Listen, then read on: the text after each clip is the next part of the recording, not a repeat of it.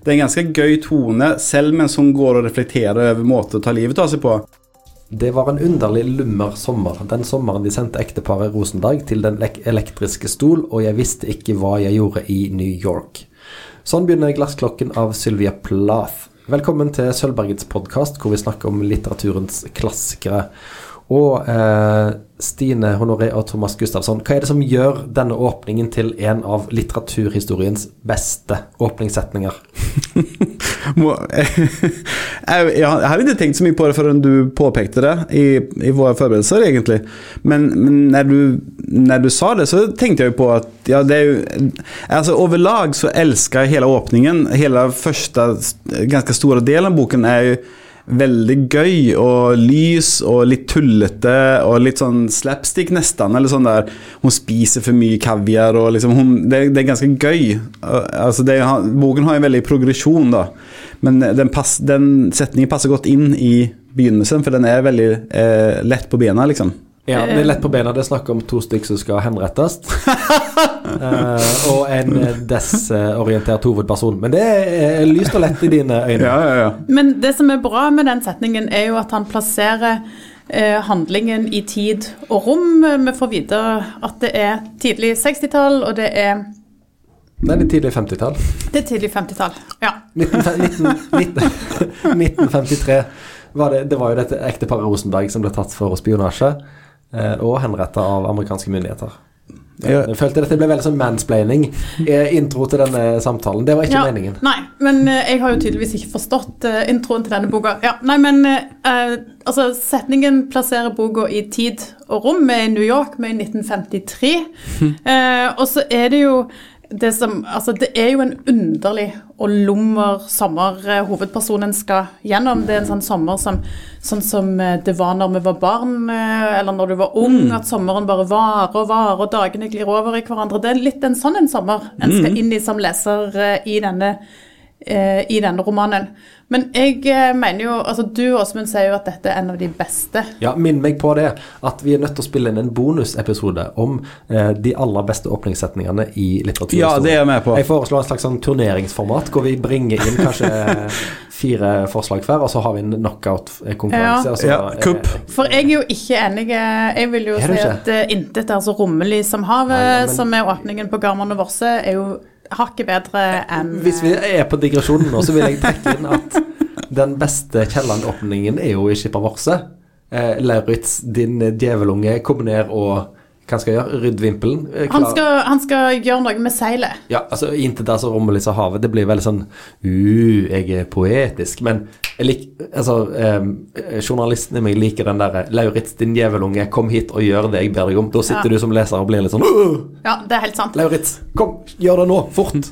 Men da har vi jo allerede to, to Kielland-romaner. Jeg, jeg kan ha Paul på Auster. The Brooklyn Follies, som, eh, siden de er så nasjonalistiske. Så Ja. Nei, du er jo Ja.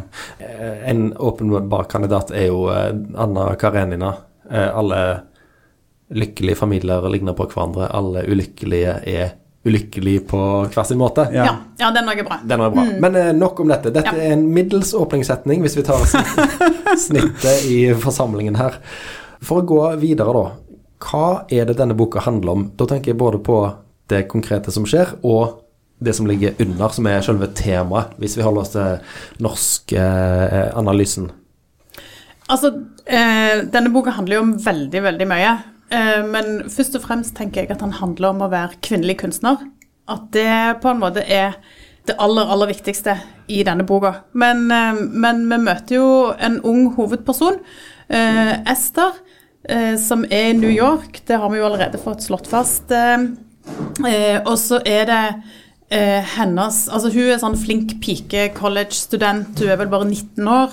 Hun tilbringer sommeren i New York, og så er det starten på en sånn eh, langsom og litt sånn umerkelig eh, ferd inn i angst og depresjon, og gradvis så mister du grepet om virkeligheten. Bare skyte inn her at hvis noen nå tror at vi legger på dramatiske sånne depresjonslydeffekter, så, er- så er det bare det at Sølvberg har elektriker eh, som holder på å fikse ting i taket. Er det sånn depresjoner høres ut, ja? Ja, det er det.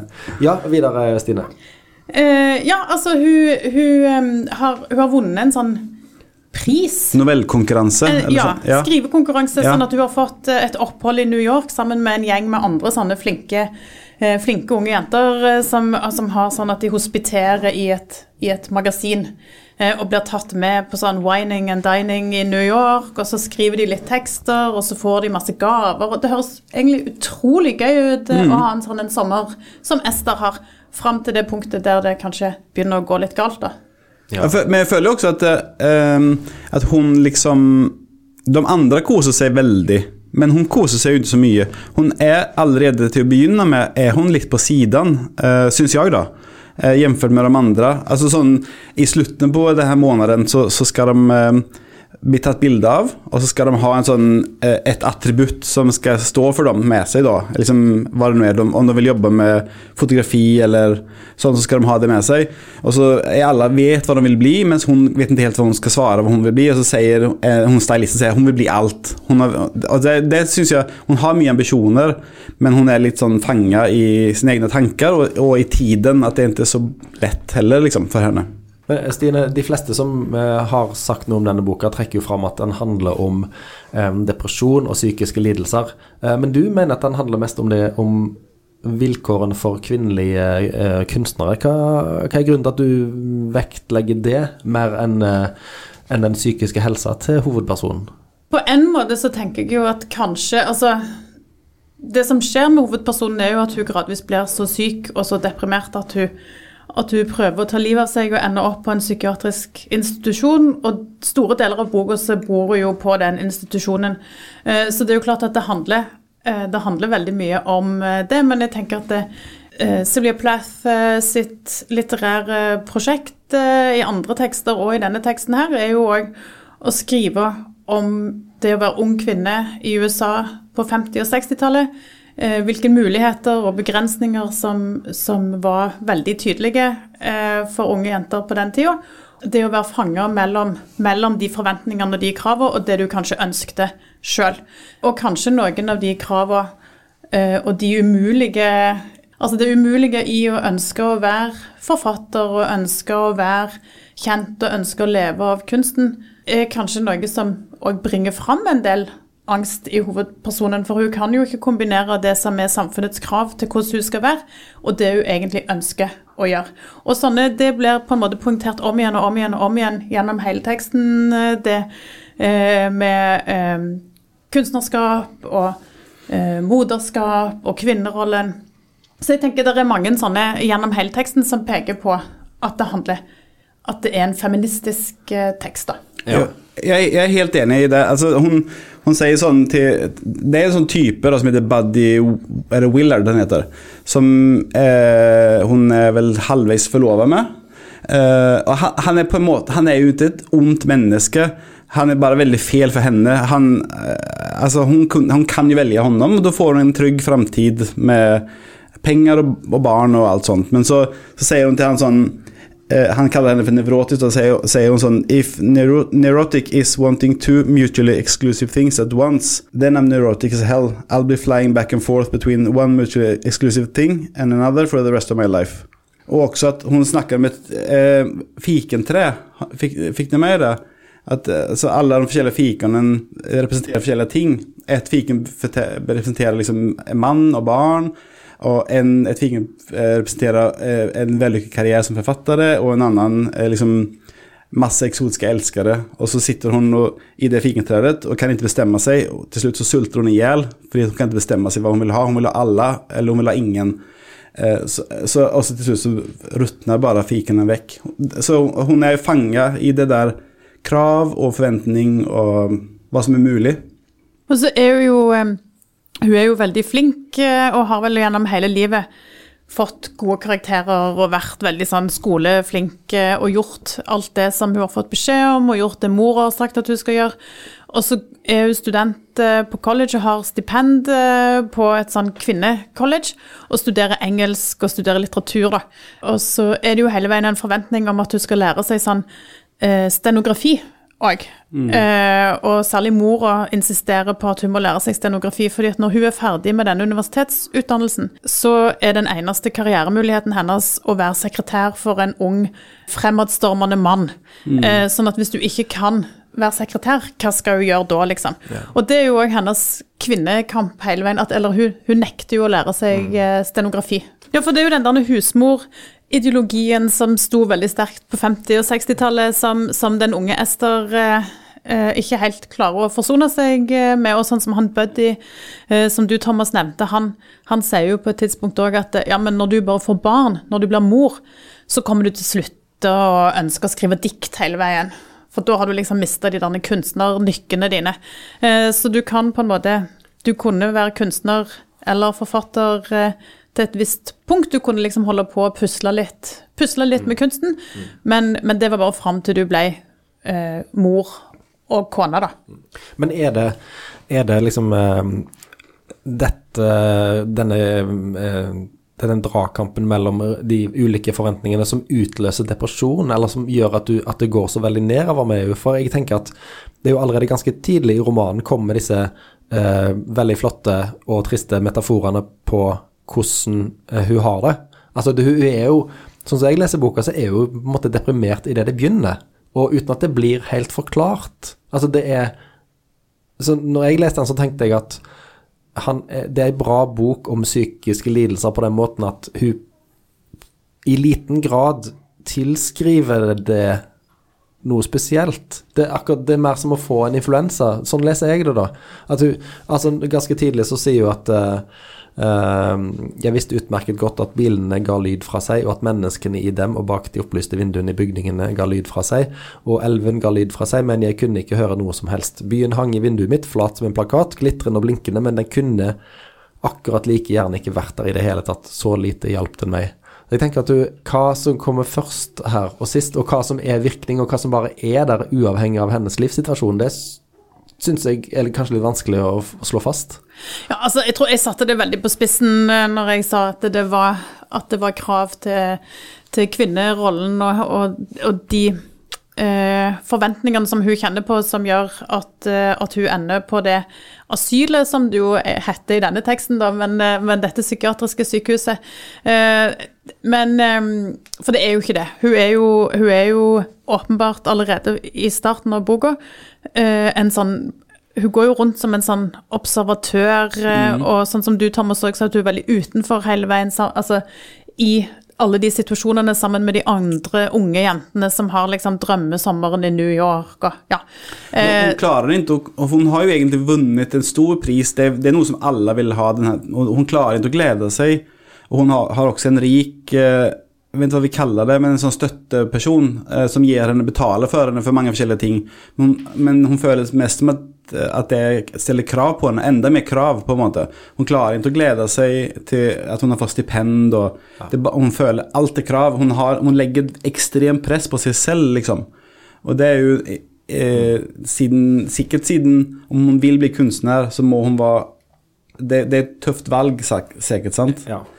Vi kan jo bare si litt om, om, om selve tittelen. For 'Glassklokken' det er en tittel som ikke er så veldig selvforklarende. Det har jo ingenting med armbåndsur å gjøre, dette her.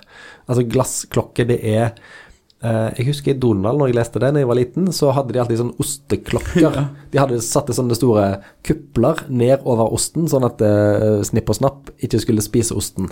Eller Tom Jerry, eller hvem det var. Så det er jo en sånn type klokke på en måte det er snakk om her? Altså, sånn, eh... Ja, en sånn gjennomsiktige eh, eh, boble som du setter over, ja. over, mat eller over Ja. Yes. Mm. Mm. Altså, sånn som kakene på 17. mai. Ja. Når du skal dra, mm. ta med deg de, så har du de gjerne i en sånn uh, gjennomsiktig boks. Mm. Sånn. Eller som en sånn uh, Sånn som jeg tenker at det er litt uh, i, Eller når jeg leser boka, så tenker jeg at det er litt som en sånn snøklokke, der du har din egen verden mm, inni, mm. inni en sånn boble, eller inni en sånn glasskuppel, da. Kan dere forklare den tittelen? Altså hva er hva er det metaforiske i å kalle den for glassklokken? Hva forteller det om hovedpersonen? At uh, hun, hun, hun, sier jo òg um, i, i, i, teksten rett ut at uh, glassklokken senker seg over meg. Hva er det det betyr? Det er jo et bilde på, på psykisk sykdom og på angst og depresjon, uh, og på det å føle seg avskåren fra verden og være på en måte hun føler vel at hun, at hun, ikke klarer å delta i det som hun observerer rundt seg. Og, og hun sier vel på, annen, på et eller annet tidspunkt òg noe om at, det, at når den glassklokka senker seg, så blir alle lyder blir liksom dempa, og alle inntrykk, alle sanseinntrykk blir dempa. Så du er på en måte en del av verden, men samtidig så er du ikke en del av verden. eh. Kanskje på utstilling. At du, at du, for den er jo den i glass, den, den viser jo. Men jeg tenkte også på hun sier noe for Når hun sitter på det her asylet, da, som hun kaller det, eh, så sitter hun og funderer over de her eh, eh, college-jentene som går på en sånn sommer, sommerskole. Som, som eh, Hennes sammenbrudd blir på en måte enten utløst av en voldtektsforsøk det tenkte jeg først, og så etterpå forsto jeg kanskje det, det er de der kravene å selge på seg selv. Og så når vi ikke kommer inn på sitt sommerkurs, da, et sånt skrivekurs, det er da det virkelig setter fart. Og så når hun er på det her eh, psykiske sykehuset, så, så sitter hun og tenker på dem som går på denne skolen som alt, der alt må være så perfekt. Og så sier hun sånn Hun snakker om, om oss, det er de som sitter på det psykiske sykehuset. What's so different with us from the college girls? Those girls too sat under bell jars of sorts. Så hun mener liksom Det, det kan jo være at det, at det å være kvinne på den tiden, at du er fangen, på en måte. Du, Det er hermetisk uh, besegler hvem du er, på en måte. Kanskje. Det er jo ikke til å legge skjul på at denne boka er jo sterkt inspirert av hennes eget liv. Hvis en googler litt, så finner en eh, at flere av personene og hendelsene her er ganske tynt kamuflert. Og dette er jo eh, mange, mange år før eh, Karl Ove Knausgård ble født en gang. Så skrev, ble det skrevet virkelighetslitteratur som, som var såpass eh, drøy som dette. Og alle disse jentene som deltok på dette kurset, eller denne samlingen i New York i sommeren 1953, har jo på en måte blitt tvunget sammen i et sånn evig fellesskap. Og de har møttes i liksom helt opp på 90- og 2000-tallet. Har de? Ja. Å ja. Ja, ja. For det, og for, for å snakke om hvordan det var, og for å selvfølgelig snakke om det å ha blitt eh, del av ei bok ganske ufrivillig. Um, Jeg er nysgjerrig på Doreen. ja, nei, det, de fleste er visst eh, basert på men mm, folk som var, som hun møtte, da. Selv om det ikke er en sjølbiografi, så er det sterke biografiske element. Eh, men også tok jo eh, Sylvia Plath eh, sitt eget liv bare en måned etter at denne boka kom ut, i vinteren 1963. Eh, Hvor stor eh, del av eh, denne boka sin arv og fortsatt sterke virkning, og det at han fortsatt blir lest av, av tusenvis av eh, nye lesere hvert år, har å gjøre med at, eh, at vi vet hvordan det gikk med, med forfatteren?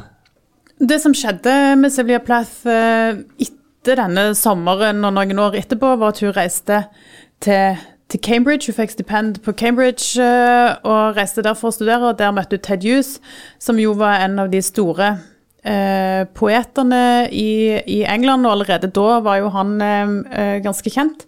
Eh, og så gifta de seg, og så fikk de barn, og så hadde de et veldig turbulent ekteskap. eh, og da kom jo òg Sylvia Plath i den konflikten mellom kunsten og livet som hun jo, eh, som hun jo eh, skriver om i The Belger, eh, der hun, der hun er hun er kone, hun er mor, hun har to små barn, hun, har, hun ønsker å skrive. Hun skrev jo mye dikt. Hun var jo poet i utgangspunktet. Ja, for dette er den, eneste romanen hun har skrevet, det er denne. Ja, hun skrev barnebøker og, og så skrev hun dikt, så hun er jo på en måte mest kjent som poet, tenker jeg. Og så, em, var jo hennes depresjon og hennes angst eh, eh, preger jo eh, disse her dikta som hun skrev, og det preger jo livet hennes veldig mye. Og det er jo umulig, dessverre, tenker jeg, å lese denne boka uten, uten å tenke på det selvbiografiske og det som, altså det som vi vet skjedde.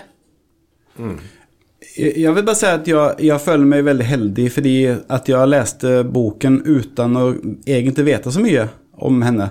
Og så altså, har jeg lært meg veldig mye om henne etterpå. Og da ser man jo boken i litt annet lys, men for min del så var jeg liksom Sylvia Plath-jomfru, eh, mer eller mindre. Jeg visste at hun tok livet av seg og sånn, men jeg, jeg følte at det, var en, at det var egentlig fint å lese boken for, fristående, da. Og det er også som en av de tingene som som gjør at den er så bra, er den progresjonen som vi snakket om før. At uh, du, det er som en studie på nesten, sant? At hvordan det funker i, når du går inn i en krise. Ja. Hva, er, hva er det viktigste dere har lært om, eh, om, det, om, om psykiske lidelser av å ha lest uh, 'Glassklokken'? Du har jo lest den i flere omganger, Stine, opp gjennom livet, har jeg skjønt? Jeg kan svare. Jeg har bare skrevet ett ord uh, på det. Og det er Jeg har skrevet 'sjanseløs'. At hun er jo helt Hun er jo helt eh, Hun er helt fanga av det, av det. Det er noe som skjer henne. Det er ikke noe hun velger. Og det er heller ikke ri- riktig å si at det er noen annens fel. Sant? Uh, Nå tenker jeg på i Belgia, da. Jeg tenker ikke på hennes eget liv. Men, uh, ja. men for, og det syns jeg er vanskelig nå, for nå leste jeg den der svenske boken av Elin Kullhed som heter 'Euforia', som er på en måte som en fiktiv selvbiografi skreven uh, som om det vore Sylvia Plaths egen eh, fortellerstemme. da. Uh, som jeg, jeg likte veldig godt. Den har jo fått ganske mye slakt i Norge, men jeg, jeg føler at den, det er en ganske bra bok. Uh, og, så nå blander jeg mer, men når jeg leste den, uh, så var jeg helt fri fra Sylvia Plath-mytos, liksom. Men jeg synes det, det er jo en veldig interessant beskrivelse av, av psykisk helse og psykiske lidelser. For det som skjer med hovedpersonen, eh, det har vi jo sagt allerede, men, men det glir jo liksom veldig sånn sakte inn i, sånn, i en tilstand der hun mister grep om virkeligheten, og så slutter hun å vaske seg hun slutter å spise. og Hun går jo i de samme klærne og har sånn fett hår og skitne klær. Får jeg bare si en setning om det? Når, ak eh, akkurat det som du sier, hun, går, hun, går, hun får låne klær, for hun slenger ut alle sine klær i New York, slenger ut alle sine klær fra taket på hotellet, og så får hun låne en, en sånn kjole av en, en, en annen som vant den prisen, da. Og så går hun med samme klær i mange uker, og så sier hun sånn uh, the, um, the sweaty cotton gave off a sour but friendly smell. så jeg, føler at hun, er litt koko allerede når hun kommer hjem. Så er liksom, hun syns det er litt hjemmekoselig med den der stinkende klærne. Liksom. Unnskyld at jeg avbrøt deg. Altså, jeg jeg syns òg det er interessant hvordan eh, em, det går så gradvis, sånn som du sier, Stine, at, at når du er kommet to tredeler ut i boka, så driver hun eh, på en helt hverdagslig måte og veier ulike måter å ta livet sitt opp mot hverandre. Liksom, akkurat som du vurderer om du skal ha spagetti eller poteter til middagen. Det er en veldig umerkelig glidning, syns jeg, inn i det utrolig mørke. Og så skriver hun òg veldig ehm, Jeg syns hun skriver veldig bra fra den institusjonen der hun bor, og det er jo klart at hun Ja. hun er jo fra middelklassen, hun bor jo på et privat sykehus eh, der ting er veldig sånn Det er jo som en slags sånn eh, country club eh, omtrent eh, der, men, men hun er jo hele veien redd for elektrosjokk. Eh, annet, for hun får jo elektrosjokkbehandling og er livredd for at det skal skje igjen. Eh, og, og måten hun observerer de andre pasientene, hvordan de oppfører seg, eh, hva de sier og hva de gjør, syns jeg er utrolig interessant. Jeg vil bare påpeke også at den, i hvert fall for meg som leser, så var den ganske morsom. Det er en ganske gøy tone, selv mens hun går og reflekterer over måter å ta livet av seg på. Så hun treffer jo Hun blir satt, satt opp med en type som heter Cal, som, som hun tenker Antageligvis hadde jeg likt honom om jeg hadde vært mitt gamle jeg, liksom. For han er intelligent og gøy og vil snakke om bøker. Mens, men, mens de er sammen, og med andre også, så går hun og tenker Kan jeg, gjøre, kan jeg hoppe ned? Og nei, om jeg hopper fra det huset, er det sikkert å dø. Det kan være at jeg lever ennå når jeg lander. Altså, den er ganske morsom. En, altså, mørkt morsom, da, syns jeg. Og det, det er sånt som trekker opp Det blir ikke bare depressivt, liksom. Jeg er helt enig, og mange av eh, formuleringene her er sånne ting som eh, kunne fungert som sånne Instagram-memes, eller, eh, eller som bare er så eh, treffende. Eh, eh, og, og all god litteratur, tror jeg, har noe du kan kjenne deg igjen i. Altså Det må være noe som gjør at du connecter med det som står i boka. da, Enten det, det er fantasy fra oppdikta verdener, eller om det er norsk samtidslitteratur, så må det være noen ting som gjør at en uh, får en link til eget liv, kanskje. Og det syns jeg det er mye av i denne boka her. For eksempel, dette, er- jeg, dette er ikke så mørkt som det høres ut, men jeg kjente meg igjen i det hun skrev, i bare en forbifarten, at uh, hun hadde ikke vært lykkelig siden hun var ni år gammel. Og det er jo ikke sant eh, for meg og for, eh, for folk flest, men en, jeg, jeg forstår hva hun mener, at den der helt sånn der, helt rene, altoverskyggende lykken, den er vanskeligere å, å um, nå inn til når han er voksen. Mm. Og det betyr jo ikke at en er deprimert, men, eh, men alle, alle har kanskje kjent på den av og til. Mens hun Eh, for, for hun så overskygger det jo hele livet etter hvert at du ikke kjenner, kjenner at ting har mening lenger. Det er jo kanskje noe av det som, som gjør denne boka til en klassiker òg, at, eh, at der, hun var vel en av de første som, som eh, skrev eh, Altså ikke bare om det å være, å være kvinnelig kunstner og om det å skrive, for boka handler jo mye om det å skrive òg. Men hun var vel òg en av de første som, som skrev om om eh, depresjon og angst på denne måten, og i hvert fall eh, for, for, altså når det var en kvinnelig hovedperson. Sant? Det må jo ha vært ganske eh, tidlig 60-tall, eh, så skrev en ikke sånne ting om flinke piker fra middelklassen. De skulle bare være glade og smile og være takknemlige for det de, for det de fikk. og det er jo ikke hun. Og det tenker jeg er jo noe som gjør dette til en spesiell eh, tekst. Og så syns jeg òg at det, når jeg leste den, så tenkte jeg på Linda Bostrøm Knausgård sin 'Oktoberbarn', for mm. hun skriver jo òg om livet på psykiatrisk institusjon bare på 2000-tallet. Mm. Og det, det, er jo òg en helt sånn fantastisk tekst eh, som er veldig, veldig fin. Men, men, den er jo mye dystrere og mye tyngre og mye mer sånn destruktiv enn en Sylvia Plath eh, sin tekst er. Så hun klarer, hun klarer å, å tematisere disse alvorlige ting, men på, likevel på en sånn måte som gjør at det er lettlest eh, og, og fint, da. Jeg, jeg syns at du hadde så godt poeng i begynnelsen når du snakket om denne sommeren. For på en måte så utspiller seg jo nesten hele boken eh, på en sommer. Eh, både liksom den kjekke måneden i New York, og de kommer hjem, og sammenbrudd og alt. Og det liksom, Jeg lurer på om det er det som gjør at det likevel ikke dyker fullstendig ned. da, At det, du har et sånt, på en måte sånt eh, litt varmt filter over boken med den her mm. Mm siste sommeren før alvoret, liksom, og så, ja. Hvis, hvis, dere, hvis dere, har funnet denne podkastepisoden gjennom Sølvbergets nettsider, så skal jeg legge ut link til en fantastisk nettsak jeg fant eh, med bilder fra Life Magazine, som er et, eh, en fotoserie fra den forferdelig varme sommeren 1953 i New York. Så kan mm. dere se bildene fra den byen hvor Sylvia Plath og de andre talentfulle kvinnene hadde sommerjobb den gangen. Det er helt sånn eh, Det var visst en rekordvarm sommer til og med til å være klima 2000-tall, så var 1953 eh, kanonvarm i, i, østkysten av USA. Har ni tenkt på eh, å sammenligne den her med På Sankt Jørgen av Amalie Skram? Uh, jeg føler at det, det er jo ja. ikke samme, men det, det er en, en selvutleverende tekst om å, som kvinne med egne tanker i feil tid, på en måte, som blir mer eller mindre låst inn på psykiatrisk. Ja. Og den er også veldig god. Og den, den hører sammen med professor Hieronymus, men man trenger ikke lese de to sammen om man ikke vil, for det er den uh, den, og, den har vi også spilt inn podkast om for et års tid siden, på St. Jørgen av Amalie Skram, så den finner dere der. Uh, men i, bare for, for, å ta kort om det, da, så er vel på St. Jørgen Det handler vel mye om uh, forholdet mellom hovedpersonen og uh, denne hovedlegen, mm. som hun har et slags hatforhold til. Og det er jo litt av det samme i Glassklokken òg, at det er denne kvinnelige legen som, som Ester i boka tror på en måte er på hennes lag, men som likevel sender hun til elektrosjokk uten at Ester syns hun har fått god nok beskjed. Så det er jo ja, jeg ser, jeg ser slektskapet mellom dem. Ja, jeg jeg syns jo at det, den, kanskje den doktoren som redder henne, da Hun virker som hun, hun følger med og holder henne i hånden. Det, det er verre med han arrogante, den vakre mannen som er doktoren først.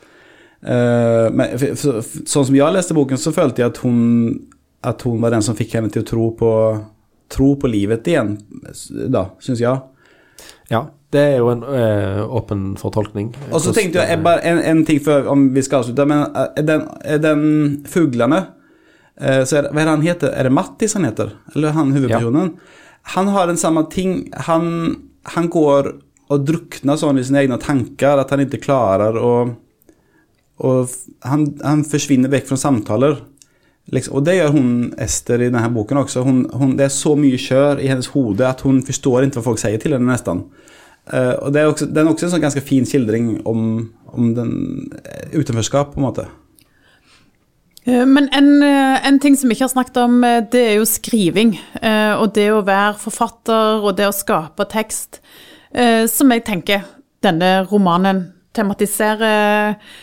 Fordi at hun er jo Hun er jo, Esther er jo eh, i New York fordi at hun har vunnet denne skrivekonkurransen, og så har hun jo meldt seg på, eh, sånn som det ble nevnt tidligere, meldt seg på dette skrivekurset, og så får hun ikke, får hun ikke plass på sommerskole, og så setter hun seg ned da når hun er på vei inn i denne galskapen og går med de samme klærne og slutter å dusje og sånn, så setter hun seg ned for å skrive.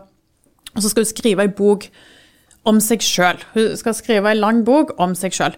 Eh, og da tenker jeg, da er vi jo liksom i en sånn metaroman, fordi at da har Sylvia Plath skrevet The Belger, som handler om seg sjøl, og i den romanen så sitter hovedpersonen og skriver ei bok om seg sjøl. Mhm. Eh, og så får hun det jo ikke til, hun sitter jo bare der og klarer ikke å skrive, eh, og det er noe sånn uforløst over den skrivinga.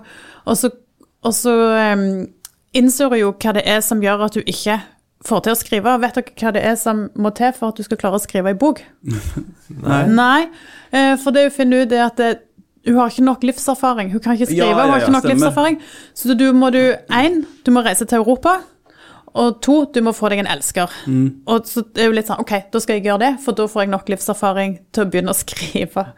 Um, og Sylvia Plath eh, reiste jo til Europa og Mm. gifta seg i hvert fall der, eh, ja. Og hun skryter også om at hun hadde hatt mange forskjellige menn, på en måte. Så det stemmer jo, det. Det, det er en tynn bok, men den har så mange greiner, og det er så mange lag, og det er så mange linker ute i den virkelige verden, og Sylvia Plath sitt eget liv, osv., at den eh, må gjerne leses mer enn én en gang for å se alt. Og, og hvis du først begynner å, å lese deg opp på forfatteren og hennes historie, så er det kanskje enda flere ting som blir klart eh, når en har lest eh, romanen. Ja, og så kan en kanskje òg tenke at en skal lese eh, noen av dikta som hun skrev, eh, eh, for de òg er jo veldig, veldig fine. Og nå, faktisk, våren 2022, så kommer der eh, på Tiden forlag så kommer et utvalg av Sylvia Plath sine dikt i ny oversettelse av Hege Voksen. Så den, den boka kommer nå i løpet av denne våren her. Skal vi avslutte med et, eh, et morsomt sitat som ikke har noe med depresjon å gjøre? Ja. Ja. Det er noe demoraliserende i å sitte og se på at to mennesker blir mer og mer gærne etter hverandre, især når en er den eneste andre i rommet. Det var fra et av de lettere, lysere eh, inngangspartiene på eh, Glassklokken av Sylvia Plath. Stine og Thomas, takk for at dere kom. Tusen takk, det var veldig kjekt. Takk for kjekt. oss!